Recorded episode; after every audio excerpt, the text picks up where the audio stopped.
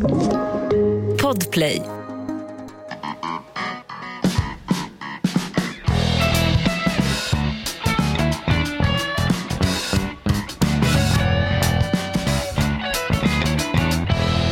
Ja, det kommer från syd och nord, det kommer från öst och väst. Nej, det här är ingen gammal frireligiös sång med salige Jan Sparring, en av morsans absoluta favoriter innan hon trillade av pinn. Nej, det här är podden Inaktuellt med Jonas Nilsson, Hans Wiklund. Läget eh, Hans? Ja, det väl ganska bra tycker jag. Det är väl det här eh, tråkiga nyheten att eh, Sven-Bertil Taube har lämnat oss. Ja, Sven-Bertil, ska vi börja med? Jag, Ja. tänkte, jag tänkte spara skiten till slutet Hans, men nu har du, du har ju toppat allting. Vi börjar med en hommage till killen som faktiskt var en större, får får jag sticka ut dubbelhakorna här och vässa plattfötterna i frottétrosorna? Får jag säga att han var en större artist rent performancemässigt? Låter som en kurs på ABF där, men att han var en större artist än sin tok och överhyllade farsa. Sambor och barn en liten grus utan gata. Den ligger i den Till minne av Sven-Bertil Taube. Det var blåbörd av hull, det var blåbörd en brigg som med sviktande stund Det är så jävla deppigt Hans alltså. Jag kände det. Det är som, det är som att låna A-laget suspens Vi måste lyfta oss ur krokarna på men något låt sätt. mig berätta när jag träffade Sven-Bertil Taube eh, på Fina Teatergrillen i centrala Stockholm. Eh, Jag gjorde, producerade ett program som hette När, Närbild som gick på Sveriges Television och då hade vi olika skådespelare som gäster, bland annat eh, Sven-Bertil Taube. Och då var det så fint upplagt, det var på den tiden man kunde göra tv och slösa bort hur mycket pengar som helst. Då hade vi en, eh, ett möte på Teatergrillen innan inspelningen där man då snackade, snicksnackade lite innan så att säga. Vi tänkte vi skulle vilja prata om det här, Sven- Sven-Bertil. Han, så, han var så jäkla elegant när han dök upp va, med sin klubbbläser och sitt, sin, sin eh, vackra hårsvalv. Och, och eh, han var ju, han var ju svårt synskadad eller mm, synutmanad kanske man säger. Eh, Han så- såg inte priserna på Teatergrillens meny och det var väl tur det. Hörde. Nej, det var ju inte det- han som betalade, det var ju, och inte jag heller. Det var, det var licensbetalarna Var det, på den, i förlängningen. var, var det på den tiden, jag vet Anders Timell, denna kanalje som har sprungit runt i krog Stockholm i alla år. Ja. Mitt första möte med Anders Timell, han har jobbat på Teatergrillen i många Ja, ja, år. jajamän. Och även på KB som inte betyder kladdbajan utan konstnärsbaren var lite längre ner. Det här är ju, det här är stockholmiana. Ja, men, det är det men, verkligen. Ja, jag tror ju dock inte Anders har jobbat på KB, men fortsätt. Har han inte? Nej. Det var en annan långhårig jag råkade dela med. Nej, men när, han var, när han var vaktmästare på Tranan Mm. så hamnade jag naturligtvis i tjafs med honom om någon jacka eller vad det var som inte tillhörde någon och det var fem spänn för mycket. Mm. Men säg vad du vill om Anders Timell och det är många som har sagt exakt vad de vill om Anders Timell. Mm-hmm. Han är ju så jäkla klädd i näbben, han får alla människor att trivas. Ja, han är en väldigt bra Eller kille. hur? Han är en god vän till mig också, ska jag tillägga. visst. Ja, du hörde alltså nyss Briggen Bluebird av Hull med Anders Timell ifrån plattan Anders tolkar havet. Nej, men Sven-Bertil Taube var ju en Ja. fantastisk artist. Eh, Kommer du ihåg när han dejtade Ann Zacharias? Hon var ju lite för ung för honom. va? Ja, det är möjligt. Ja, han, har ju haft några ganska snygga tjejer genom åren. Ja, Ett pärlband, ett Det är klen tröst nu va? ett pär, ett pärl, ett pär, Ja. ett jag kan inte prata. Nej. Ett Jag tycker pärl. du reducerar kvinnor väldigt mycket när du Nej, kallar men- dem för nej. pärlband. Ett, Men... Vänta nu, det är inte jag. Alltså, låt mig Ja, ja, fortsätt. Det är varken jag eller Hermann Göring den här gången, tack och lov. Ett pärlbland av, ett pärl, vad fan. Det är fel löständer, kan jag få nya lösgaddar? Vad fan är Davva Vad roligt, du har ett förresten? talfel. Uh, apropå talfel, vad är Davva? Norrköpings store son. Ett pärlband av kvinnor hade passerat eh, revy. Det var ju hyllningsorden i Godmorgon världen i Sveriges Radio. Hur, hur kan man ens ta upp så när man ska ha en hommage till en avliden person? Liksom? Mm. Det var ju värre när Helle Klein pratade om att den nya regeringen är, den nya regeringen, det är ett dråpslag mot våra pensionärer. De har suttit i tre veckor alltså. Samma och program. red- Redan skickat dråpslag till höger och vänster. Ja, mot i början. Ja, det är fan inte klokt. Hörru du, vi stänger av balladen Briggen Bluebird av Hill och så Ja, kör vi den någon gick väl i kvav den där skutan också. Vi vill passa på att poängtera att den bygger alltså inte på verkliga händelser. Alltså Briggen Bluebird av Hull gör ju det, Evert Taubes gamla slagdänga om Mm. full fart på trossdäcket. Men den här podden bygger alltså inte på verkliga händelser. Nej. Lite outlaw country Hans. Från Stockholms centrala innerstad, en kille som tog både det ena och det andra och mest det andra faktiskt. Han finns tyvärr inte längre bland oss, men han har fått en liten revival här i Tjosan Tjosan-podden Inaktuellt. Blomma Blomberg, kom igen då! Hör på texten här nu. Yes. Med tror ni förstås att jag ljuger och rent för jävligt. Men det jag ska berätta är faktiskt sant. Rakt över disk, även om storyn är galen. Så håller jag min smäck i pann. På väg hem från en taskig rulle. Ja, sen rullar det Ja, på. var är vi på väg någonstans? Ett pärlband, ett pärlband av, Bland. av polisanmälningar. Fastnat på pärlband Hans. Du, vad har vi i veckan? Vi har ju två spioner. Ja. Märklig historia om de här två bröderna som den ena har jobbat för både Must och Säpo. Kan du känna när nyhetsrapporteringen kommer om de här två brorsorna att den är, den är helt stympad? Man förstår ingenting av själva rapporteringen. Som Nej. tur är har jag granskat vidare och luskat bland mina poliskällor. Jaha. Så jag har lite mer. Ja, det är ju bra det, för att eh, den är ju svartmaskad, eh, den här Ja. förundersökningen.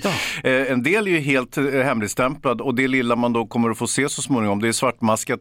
Men eh, någon eh, expert på, på dylika mål, han sa att det går ändå att um, uttyda ungefär vad det handlar om, även om det är väldigt lite information som kommer att komma ut, eftersom det här är hemligstämplat både bak och fram. Fast det är ju inte så hemligstämplat. En av våra största kvällstidningar publicerar med namn och bild bägge två brorsorna. De har ju så märkliga förnamn så att eh, det är bara en vokal som skiljer brorsorna åt. Ja, det är som eh, Knatte och Fnatte ungefär, Pejman och Pajman heter de ju. Peyman och Pajman blir snart Pacman och Pacman in i någon, på någon dusch på någon kriminalvårdsanstalt.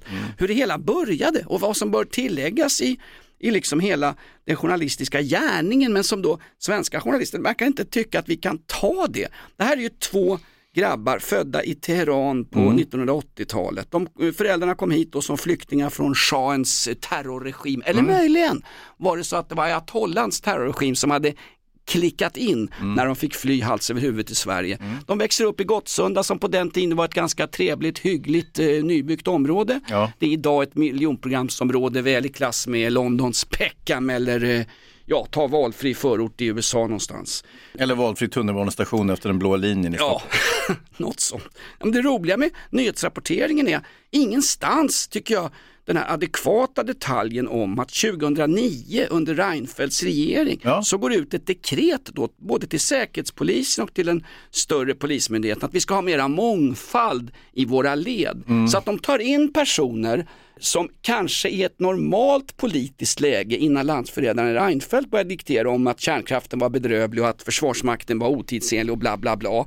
Innan han började diktera sånt så tar de in mångfald, de tar in personer som kanske inte skulle ha kommit in vid Säkerhetspolisen om Säkerhetspolisen själva hade fått sköta rekryteringen helt off the record. Ja, det är sant. Men 2009 års dekret var, vi ska in mångfald inom Säkerhetspolisen. Här kanske vi skördar frukten av det vi ha, hade där, fruktodlare Hans Wiklund från DFG, Djurgården Frukt och Grönt. Ja. Ja, alltså kanske. Alltså att det är ju en eh, viss risk att man då får in eh, personer som är politiskt eller religiöst motiverade från andra länder då i- inom säkerhetstjänsten. Och det är kanske inte är så lyckat. Just de här Peyman och Pajman, eh, den äldre brorsan där. Låter för fan som Albert och Herbert Ja, fast i lite. persernas version. För, Ja, han jobbade även för, och det här är inte bekräftat, kontoret för särskild inhämtning, KSI, som är det absolut mest hemliga som finns överhuvudtaget i Sverige. Samtidigt så ska du ju veta att... Du, Till, den, tills nu när du har berättat om Ja, det. exakt. Men, men, men eh, sen ska du ju veta att det är etniska svenskar som har ställt till den absolut största skadan för Jo, Sverige. abs- absolut. jag tycker inte vi ska peka finger åt pojkarna från Teheran. Eh, De är ju heller inte ännu dömda. Men Jan Guillou skrev ju en bok som heter Fiendens fiende som kom 1989. Den handlar i mångt och mycket om eh, då, dåtidens stora spion Stig Bergling som då hade försvunnit från Sverige i slutet på 80-talet.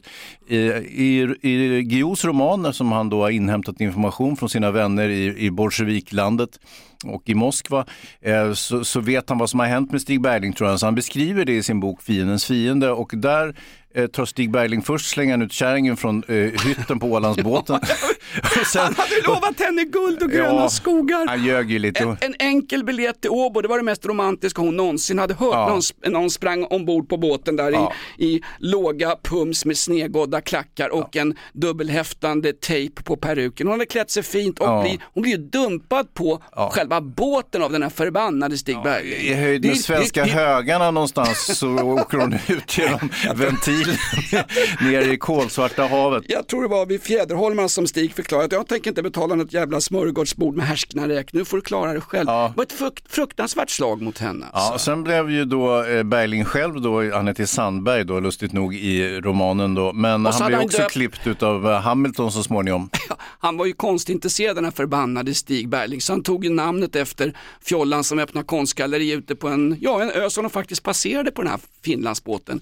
Eugen Sandberg, han tog ju namnet efter prins Eugen på papper. Ja. Det är så jävla smaklöst. Ja, han lever ju lever visst storhetsvansinne på något sätt. Det är De, de intressant. fraktar ju över honom i bakluckan på en jäkla Saab. Den Saaben hittar ju faktiskt finsk säkerhetspolis, eller om det är i samarbete med svensk säkerhetspolis, på parkeringen på ryska konsulatet i Mariehamn i Finland. Där hade han legat i bagageluckan karfan Ja. i en efterlyst, om det var en PV eller en Saab. Ja. Eh, Det som är lite pikant med eh, Guillous fiendens fiende, det är ju att eh, året efter, eller två ja, fem år efter att boken har kommit ut och filmen Fiendens fiende har kommit ut också, då dyker Stig Bergling upp, livslevande, och kärringen eh, kommer till Sverige 1994 och tas omedelbart av polisen och blir inburad och får sitta. Eh, Så att, Då hade de bott i en dacha utanför Moskva, Ja, alltså ja. dacha som vi kan ungefär ett säga. utsatt område. Fast Ja. utan att vara utsatt. Men det ser ut som ett utsatt område. För det är det som präglade design av våra utsatta områden. På den tiden vi trodde den kommunistiska arkitekturen var framtiden även i Sverige. Mm, fast det tror vi fortfarande om man ser svenska innerstadsbebyggelser. Det här är ett betalt samarbete med Villa Fönster. Du behöver lite mer tryck nu Jonas. Tryck! Villa Fönstersnack med Linnea Bali. Villa, villa, fönster, fönster, fönster med Bali, Bali, Bali. Jonas, nu tänker jag lära dig lite om Villa Fönster. Lär mig baby. Villa Fönster är en rikstäckande leverantör av fönster och dörrar till dig som konsument och byggföretag. Och vet du vad Jonas? Vadå? Jag har en spaning. Ja. Det som gör dem så unika är att de har Sveriges bästa leveranstid. Ja, det går undan har jag hört va? Ja, det gör det. För man tänker kanske som konsument att åh nej, det här kommer ta så lång tid.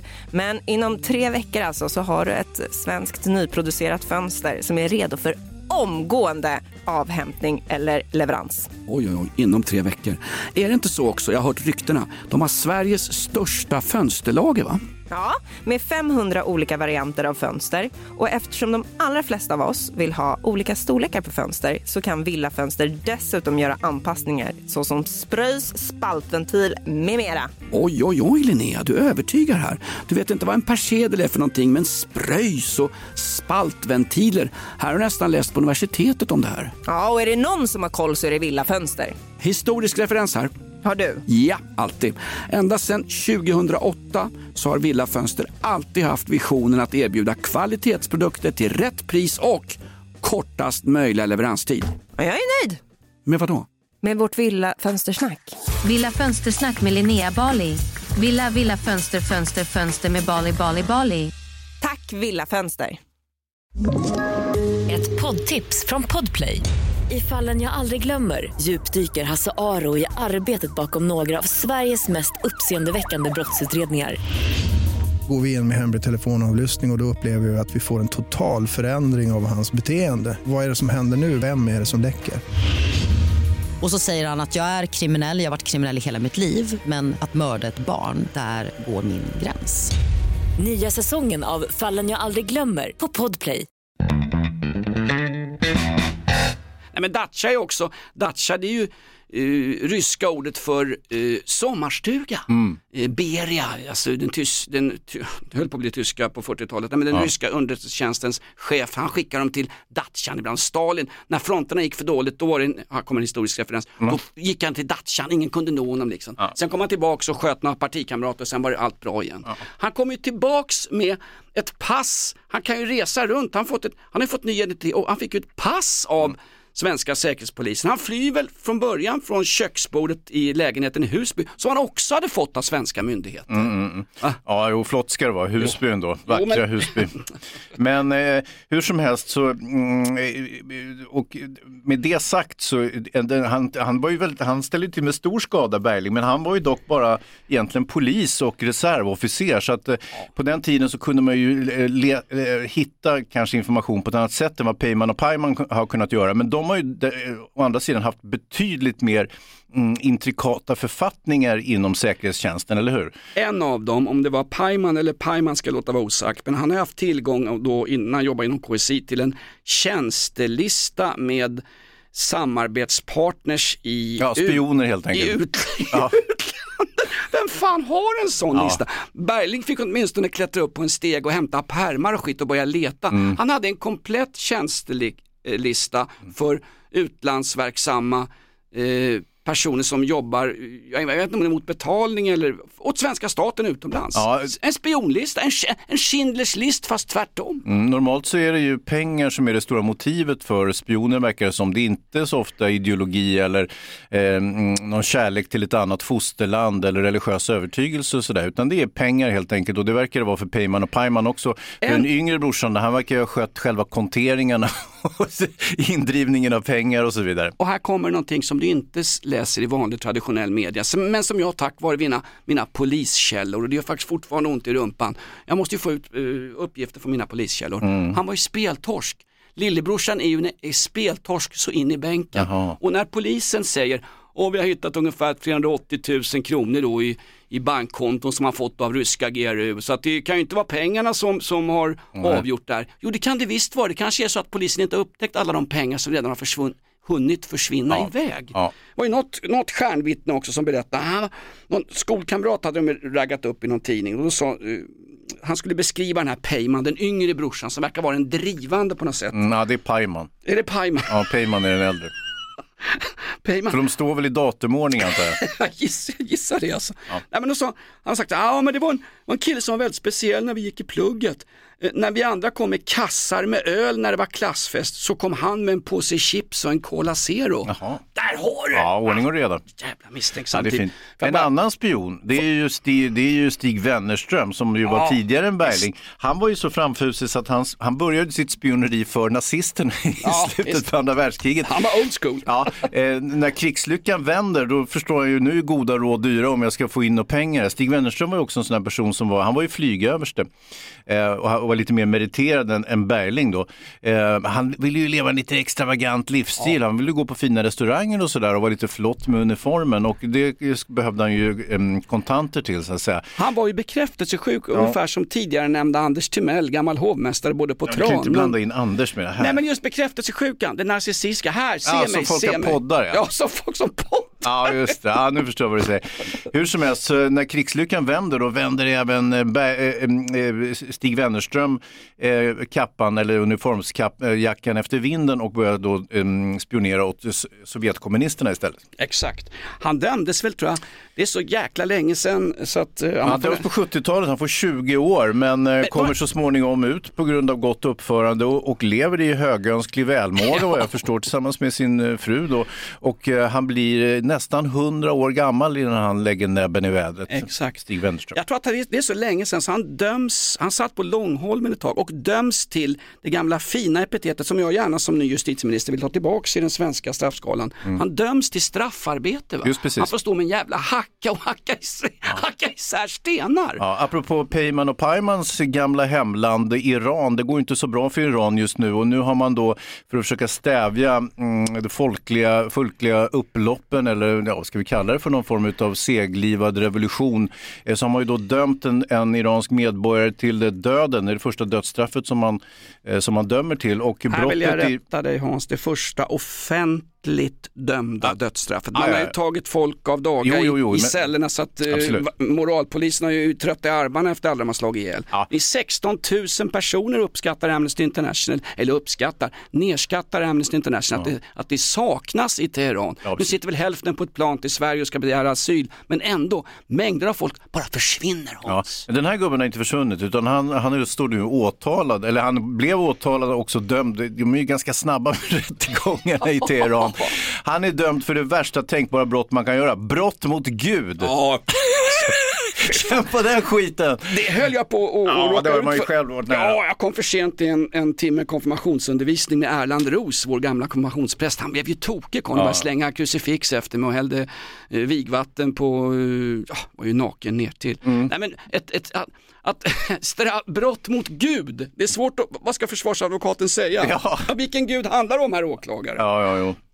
Du, den här, eh, det går snabbt att hitta skyldiga i Teheran. Mm. Eh, upproret har pågått nu i två månader och nu är det en trend i Teheran att man, att man tar fingrarna och klipper, eh, man klipper eh, turbanen av mullor, eller vad heter, vad heter den här stora, det ser ut som en äppelmuffins de har på Ja, huvudet, exakt. de här Ja, jävla det är en sorts traditionell hatt som mullorna har, men även andra eh, potentater vad jag förstår i, Mm. i det religiösa Iran. Men Sa du just att det hette hatt Hans? Det kan vara ett brott mot Gud du just har utfört. Jag. Jag, vill, jag vill ha det utlämnat Ja, till och Iran. Det går ett plan 14 och 13, kan du ta det tror du? de, eh, det där, som du berättar om, det är ju att man då eh, som ett prank va, filmar när man knuffar bort hatten från gamla farbröder som är ute och går på gatan. Exakt, ungefär som man i Norge under kriget hade röda mössor på sig som en protest mot regimen, en tyst protest. Mm. Här lägger man ut det på YouTube när man går på gamla gubbar då som har gått med såna här traditionella som du kallar det Hans, traditionella religiösa hattar i alla år, så Mm. knuffar man av dem.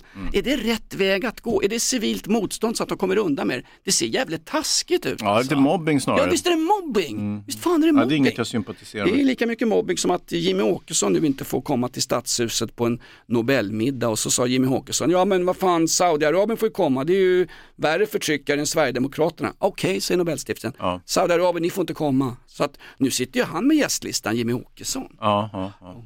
Hörru du, eh, på tal om de här två eh, brorsorna som, jag vill bara poängtera Hans att min poäng är inte att de är av persiskt ursprung Mm. eller att eh, ja, det lät lite så. Jo, det lät så, men därför ska jag passa på här att eh, innan jag blir anmäld fler gånger. Jag ska bara passa på att om man har en, en politisk påtryckningsmetod, den här gången då eh, 2009 års regering med Fredrik Reinfeldt, om man har en politisk påtryckningsmetod att man ska anställa människor av ett visst ursprung eller av, ett, av en visst vandel så kan det kanske bli fel. Marginalen för att det ska bli fel ökar så att säga. Det, var, det, det var min poäng. Jo, jo, jo, När politikerna lägger sig i vad säkerhetspolisen och militären gör, då är vi fan ute och cyklar. Tänk om politikerna skulle lägga sig i den svenska skolan Hans, då hade, ja fan det är ju kaos ja.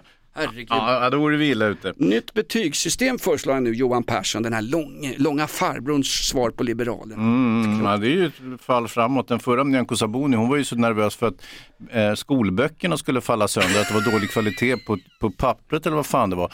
Ge, Det var hennes käpphäst. gick inte så bra för henne heller tyvärr. ge ungarna Koranen eller Bibeln, be dem komma i tid, be dem hålla käft, klipp dem, så ska vi ordna resten. Eh, citat från eh, ja, Gävlemoskén. Ja.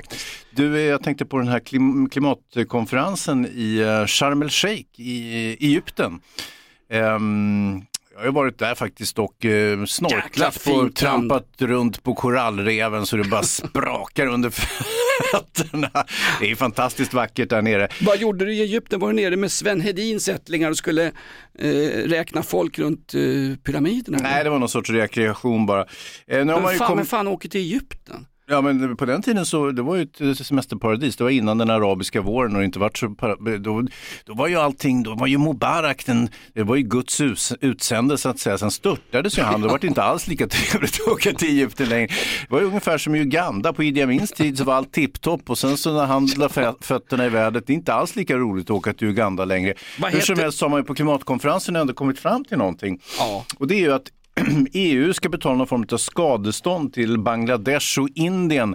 Eh, PGA, det dåliga vädret eh, som drabbar de här delarna av världen med översvämningar och tyfoner och jord, jordskred och vad det kan vara för någonting. Och det här ska de kompenseras för, för man anser att det är de europeiska utsläppen över tid som har skapat mm, förändringen av klimatet som i sin tur har skapat den här eh, riskmiljön Fast då eh, vill, i de här jag, länderna. då vill jag som heteronormativ svennebanan med hängarsle faktiskt stämma Indien på en massa pengar. Det var faktiskt de indoeuropeiska folken som en gång började folkvandra för några hundratusentals år sedan upp mot den europeiska kontinenten. Så att hade inte de börjat vandra den gången så hade inte vi här suttit där uppe med Saab och Volvo och bensinbilar och eh, homos och eh, eh, grillad kyckling och vedstaplar och naturgas och olja och kärnkraft och Karlshamnsverket med 40 000 liter olja och sprit. Hade inte de vandrat hit från början så hade inte vi vikingar varit här uppe, plundrat och slagit ihjäl nunnor och skit i Storbritannien. Då hade ju inte eländet med västvärldens kapitalistiska förfall överhuvudtaget satts igång. Så Mm. de är fan skyldiga mig pengar. Vad har de för valuta i Indien? Rupier?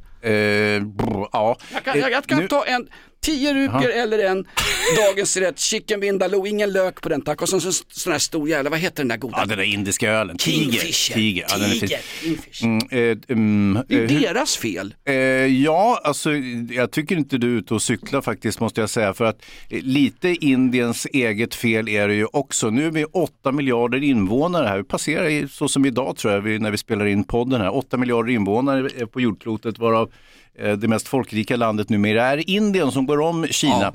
Eh, nu är det ju så att eh, lite av ansvaret ligger på Indien. Som... Där! Blev Det de, åtta miljoner, det var där blev de, där kom 8 miljarder människor på jorden. Bara ungefär hälften bor i New Delhi, Indien. Grattis jordklotet! Eh, jo, att då eh, Indien då som kanske möjligtvis har ett ganska orättfärdigt samhälle där de allra fattigaste tvingas och, eh, resa sina plåtskjul för att hus i vanlig bemärkelse är inte frågan om, eh, lite för nära vattenlinjen. Att de sen spolas bort vid första bästa jävla våg, det är väl inte särskilt konstigt. Och hur kan det vara vårat fel i EU? Det begriper jag faktiskt inte riktigt. Eh, så att den här kompensationen, eh, klart de ska kompenseras på något vis, men, men jag, jag tycker att man måste ju väga in lite andra variabler i den här ja, världens, affären. världens fjärde största eh, eh, eh, Världens, fjörst, världens fjärde största ekonomiska stat är Indien, Mm. ska jag säga grovt räknat. Eh, USA är fortfarande störst, även om Joe Biden käkar mjukglass och hittar på allt möjligt om nya delstater som inte finns. Och han, kallar, ja, han, både, han kallar både en spade för en eh, hickoryklubb och lite annat. Nej, bra jävla snurrig nu. hörru. Ja, fast om Indien hade skött politiken på rätt sätt så kanske hade eh, de lägre kasterna faktiskt eh, fått Ja, till exempel preventivmedel som är grymt eftersatt. Det är väl 60 miljoner indier som inte ens har en toalett. Vad är det för jävla regering Mm. som kräver pengar av oss? Ni har pengar i Indien. Ni har hur mycket pengar som helst. Men se till att fördela skiten. Det kunde vara en bra början. Det påminner om när man satt på tegel, eh, Tegelhögen, gamla ungdomsgården i Vällingby, så kom de stora grabbarna in. Bara, Ja. "Är- Är det någon, vi var mycket yngre än dem, är det någon, av- är det någon av er skithögar som har pengar? Om, om, någon, om någon hade pengar så, så pekade alla på den, den har pengar. Ja, bra, då tar vi dina pengar. Det känns som att de vänder sig till västvärlden Ja. för att få pengar, därför att vi råkar ha pengar. Jo, jo, jag väl hade pengar. Då börjar det ta slut här också jag förstår. Ja, exakt. Vi får ringa in Stefan Ingves igen. Hörru. Ja, du. någon som hade pengar, det var Elon Musk. Mm. Och det var han sa till, han börjar med att uh, gå hem allihop nu, eh, 7800 eh, Ja, Twitteranställda. Ja exakt, Mm, förlåt mig, Twitter, eller Bitter som jag är ute på. Eh, tre- 3700 sparkan och sen sa han till övriga att eh, Get in or get out. Mm. Alla som jobbar hemifrån kommer nu omedelbart få sparken av Elon Musk och nya Twitter. Mm. Och sen skulle han ta 12 dollar för den här, den här lilla fågeln, vad fan det är för någonting. Högst upp på, de alla, på, de alla, på allt näthat och alla eh, Twitter-troll. Var det inte så? 12 dollar för en liten, det är en liten markering. Vad är den heter den där? Kvitter! Kvitter, det är en liten Ja, okej. fågel. Ja, ja, visst, visst. Ja. Ett poddtips från Podplay. I fallen jag aldrig glömmer djupdyker Hasse Aro i arbetet bakom några av Sveriges mest uppseendeväckande brottsutredningar. Går vi in med hemlig telefonavlyssning och, och då upplever vi att vi får en total förändring av hans beteende. Vad är det som händer nu? Vem är det som läcker? Och så säger han att jag är kriminell, jag har varit kriminell i hela mitt liv men att mörda ett barn, där går min gräns. Nya säsongen av Fallen jag aldrig glömmer på Podplay. Apropå jobba hemma. Läste du om den här studien som har, studien som har företagits vid Lunds universitet? En- Den kallas för snygghetsstudien. Eh, är det den som säger att vackra människor lyckas bättre i livet än vi som är fula? Så har jag inte läst den men jag har upplevt den i ungefär 55 år Hans. Eh, Den här studien visar att de kvinnliga studenter som beskrivs som snygga fick sämre betyg när undervisningen eh, bedrevs på distans under pandemin. När snygga tjejerna kom tillbaka till skolan igen, då, då ökade betygen igen. Vilket då enligt doktoranden bakom studien Adrian Mehic. Eh, Som för övrigt är riktigt snygg själv. Jävla snygg kille ska visst. jag säga det. Jag kan säga så här, jag har ett frikort på Mick Jagger men jag skulle gärna krypa ner i sängen hos den här, vad hette han? Adrian. Adrian. Ja, eh, nu är det väl som så här att eh, det är lite etiskt tveksamt kanske att göra, först göra, man har en jury då som bedömer eh, snygghetsgraden på tjejerna. På killarna har man också gjort men det, det visade sig, det hade ingen som helst bäring. Det, hade ingen, det spelade ingen roll, det kunde vara fult som stryk och ändå få höga betyg. Och det spelar ingen roll om du studerade på distans eller faktiskt satt i skolan. Oftast är det ju tasklängd och sparkontots storlek som avgör en mans vack- eh, skönhet, eller hur? De, de variablerna finns inte med i den här studien från Lund kan jag berätta på en gång. Adrian Meij, den stiliga killen här bakom studien. Eh, kvinnorna som då har förekommit i den här studien, eh, de har nu blivit lite så här nyfikna på vad fick de för betyg egentligen? Så de har försökt att få ut eh, sina snygghetsbetyg.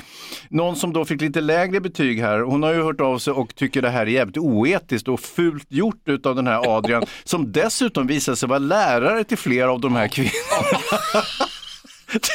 Så den jävla snuskpellen, han har då suttit och, eh, det han redan visste att han hade gjort, att han gav de snygga brudarna bättre betyg, det får han nu bevis för i den här studien. Har variabeln stora pattar på manliga och kvinnliga studenter, har den kommit med överhuvudtaget? Alltså det här är en värre hållhake på de här stackars tjejstudenterna vid Lunds universitet än vad, än vad Expressen hade när de lyckades filma med webbkamera och en spotlight rätt i plytet på Bosse Hansson när han ramlade av en flight från Florida. Fortfarande iförd träningsoverall. Ja, Bosse Hansson befinner sig på svensk mark. Ja, eh, och har sin AIK-overall är helt intakt. Alltid. Eh, rektorn här på Lunds tekniska högskola, hon vill inte kommentera studien utan vill låta etikprövningen eh, ha sin gång. Och det tycker jag blir blir jätteintressant att se vad det där landar i faktiskt. Fast någonstans är inte det här verksimmanent förståelse som terapeuter pratar om, som Carl Jung pratar Verks om. vadå? Eh, Verksimmanent förståelse, att det är så övertydligt så att vi, vi, vi vill inte se det och vi kan inte se det. Att vackra människor är mer framgångsrika även i en skolsal. Ja, precis. Är det inte så att han har frågat de här tjejerna,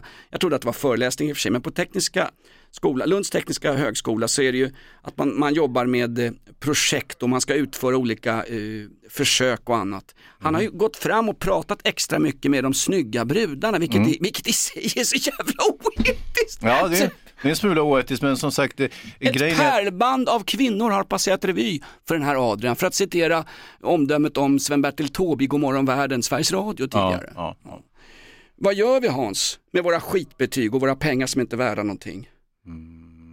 Jag vet inte. Jag vet vad vi kan göra. Vi, Ja, kan, vi kan bli preppers. Ah, Hörde du att Kalle och Britta Zackari, som mm, idag nu de som har olika tv-program. Ja, exakt. Det är han Kalle som pratar så här alltså. De har köpt någon bondgård och så ska de överleva och så har de lurat dit något produktionsbolag som SVT har hyrt in och så filmar man det här när han byter glödlampor, när han odlar, eh, han odlar eh, Ekologiskt hasch. Ja, han odlar ekologisk krasse och han slår ihjäl en, en get så de har någonting att äta de här familjerna. Nu har de Mm. öppnat ett företag som heter preppbox.se. Jaha, ja, okej. Kalle och Britta Zackari säljer preppboxar för alla oss som vet att vi kommer att dö när ryssen kommer. Mm. Eh, den innehåller den här preppboxen då eh, fyra dagar för två vuxna och två barn. Så att i, för 1600 spänn exklusive moms så får du en preppbox du kan, med, kan ha med dig ut i skojan. i Fyra dagar. Fy, för fyra Så dagar. alltså när en meteorit träffar jorden eller växthuseffekten eh, till slut knäcker oss eller Putins atombomber börjar regna över Sverige, fyra dagar har vi då. Fyra dagar har du på dig Hans. Det är för jäkligt. Det är för lite. Och så finns det också Ja, Finns det ingen större preppbox? Det finns större preppboxar. Fyra år? Det finns en massa olika och en preppbox var så fantastiskt bra gjord. Alltså det här, det här är att tjäna pengar, inte på som Pajman och Pajman tjäna pengar på Säpos gamla tjänstgöringslistor utomlands. Nej men det här är att tjäna pengar på folks oro för omvärlden Hans. Jag tycker det är ungefär som podden Inaktuellt. Det är moraliskt betänkligt. Ja, eller som eh, studien av eh, snygga studenter på Lunds universitet. Ja men då fick jag i alla fall träffa en massa vackra människor, det kan ju vara skönt. får inte vi göra. På tal om vackra människor, var det Davva förresten? Jag vet inte om han har... han, han ska ju dyka upp till livepodden hoppas jag på torsdag. Vilket haveri vi gjorde förra veckan. Förlåt kära lyssnare. Fan, det, var, det laggar ju. Och det där var ju inte, eller var det vi som laggade? Eller var det själva utsändningen? Nej, men så fort någonting går lite, lite fel, vare sig det är Mello, ett världskrig eller en rysk invasion i Ukraina där Mm. Kadyrovs eh, vargtrupper får springa bakåt i allmän oordning och i allmän panik. Mm. Så fort någonting sånt där händer, så, då kommer ju foliehattarna ringlande in på Skansen-akvariet. Ja, våra lyssnare. Nu, nu blev vi ju anklagade, om det laggar, hur kan ni då få in frågor till eran qa podd eh, i torsdags? Och så här är det ju, vi samlar ju på oss frågor också. Det går ju bra att mejla frågor till mig, jonas at rockklassiker.se. De frågorna skickar jag till Davva, men någonstans om vi ska granska Davva här, om vi ska vara fiendens fiende, en baklucka med Stig Bergling eller Jan Guillous gamla actionhjältar, eh, så är det ju Davva som sitter med trumf på hand. Det är han som sitter och väljer ut frågor. Ja, så är det ju. Så är det ju. Ja, men allting måste ju redakteras. Det, är- det är ju inte så konstigt. Jo, men Eller ska- produceras som i hans fall. Han ska väl inte sortera frågor? Jo, Det ska, det det, ska väl vara, det ska väl vara som när Reinfeldt tyckte det skulle vara mångfald inom Säpo också. Nu får ni för fan med anställa lite folk från både eh, Teheran och Mellanöstern. Ja, men vi har ju anställt den där jävla Davva från Tunisien. Han verkar, ingenting hos honom påminner om att han kommer från Nordafrika, men det, han säger ju det. Och hans pappa har ju en restaurang i Norrköping och så vidare. var någon som sa att han, han lajvar libanes. alltså, alltså, han, Nej, han är inte ens på riktigt Dabba, han lajvar libanes. Men vi kör ändå en, det är en succépodd Hans. Vi har Mm. 30, 32% fler lyssnare på livepodden än vår vanliga contentpodd så här i början på veckan. Ja, det är roligt. Mm. Jag vet inte om det är roligt Hans faktiskt, men det är, det det är ett iskallt konstaterande för att citera gamla fina Agneta Klingspor. Mm. Fin författerska Hans, henne ska jag läsa. Veckans boktips. Ja. Är vi klara för dagen eller? Eh, Det börjar- det jag tror det. Nu väntar jag bara på att eh, Pajman och Pajmans eh, skvaller till främmande land ska komma och slå oss i huvudet och i väntan på det så jag vet inte vad vi ska göra. Vi äter väl den där prepperboxen då. Mm. Jag säger som vid rättegångarna mot August Strindberg efter den rasistiska skriften Chandala om den så kallade tattaren Hans. Mm. Ponera att han är oskyldig! Ponera att eh, Strindberg? Ja, tänk om den åtalade, tänk om Pajman och Pajman är helt oskyldiga. Ja, det är inte otänkbart. Då måste vi ta in den här podden och så måste kvällstidningarna sluta publicera ansiktsbilder på folk som inte är dömda i svenska domstolar. Varför fick de här stackars hedliga helyllekillarna, de här två speltorskarna, varför fick de hängas ut med ansikten i de största kvällstidningarna? Hans, de bryter mot sina egna regler, de svenska journalisterna. Aha. Om, om detta ska ni berätta. Ja, jag vet inte. Upplever du det som ett större problem än Sveriges rikets säkerhet så varsågod. Mm, ja, nej det gör jag inte, men jag sitter och beställer en sån här jävla preppbox. Ska Ja. du ha en Hans? Ja, eller? kan du kryssa i? Men jag vill ha en för några fler dagar än fyra. Och sen vill jag inte ha den där jävla mjöl... Vad fan är det? Groda? Jag vill ha riktig pasta till. Går det? Det är så kul att eh, om, eh, då står det någon slags eh, förlängning här på prepbox.se. Om barnen inte tycker om eh, röda bönor finns det ett pastaalternativ. Ska ungjävlarna få sitta i en skyttegrav när, när Så Kadyrov... när huset har sprängts så de sitter, vi sitter med familjen i ler i källare och ungarna börjar tjafsa om att de inte vill ha kron... Vad fan var det? Kikärtspuré. Då finns det alternativ. Underbart. I Sverige är inte ens en preppbox på riktigt. Allt är skyddat av nannystaten, den trygga stora välfärdsstaten. Men är det så egentligen? Kommer en fråga väsandes från Inaktuellt-redaktionen. Tack för den här veckan. Outlaw Country! It's payday night and there's a man who's gonna try his luck. A working man and an old machine and both of them lit up. You better call Pinball Anonymous. He's playing that thing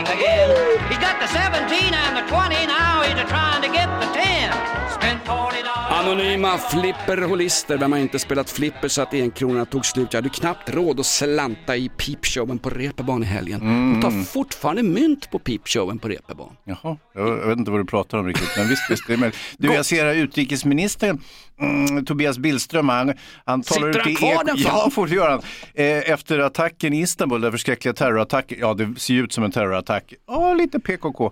Eh, han säger nu att vi står sida vid sida med våra vänner i Turkiet, Ja, säger Billström. Det bara, den här jävla näbben rakt upp i rektorsexpeditionen på Erdogan, det blir bara längre och längre. Det är märkligt också att eh, vi hittar inte Palmes mördare på 30 år men i Turkiet hittar de en helt okänd kvinna som har släppt en bomb. Henne hittar de på sju minuter i centrala Istanbul. Bra jobbat faktiskt. Du, hur länge kommer Tob- Tobias Billström vara utrikesminister för Turkiet? På ledig tid så sköter han de svenska utrikesaffärerna också tänker jag. Exakt. På tal om ledig tid, nu går vi ur showen här. Missa inte på torsdag 09.30 livepodd och då ska det inte lagga. Vi har fått, eh, eh, jaha, okej.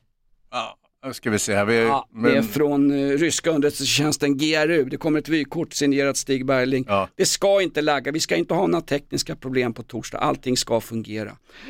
Hans Wiklund, Mm. du står inför en klimatkonferens i Sharm el Sheikh där, ja, precis. Jag har precis tagit av mig simfötterna. Det där är inte simfötter, det är, fan, van, det är det är vanliga fotvårtor. I, i Shake Milkshake eh, i, i Egypten, ett brandtal till folket Hans. Nu ska vi rädda en planet här med Jajamän. Britta och Kalle Zackaris preppbox Ja, jag ska för hjälpa dem. 1600 spänn. Har vi några kloka ord Hans? Vi ska Ja. på stopet nu. Ja. Hej då!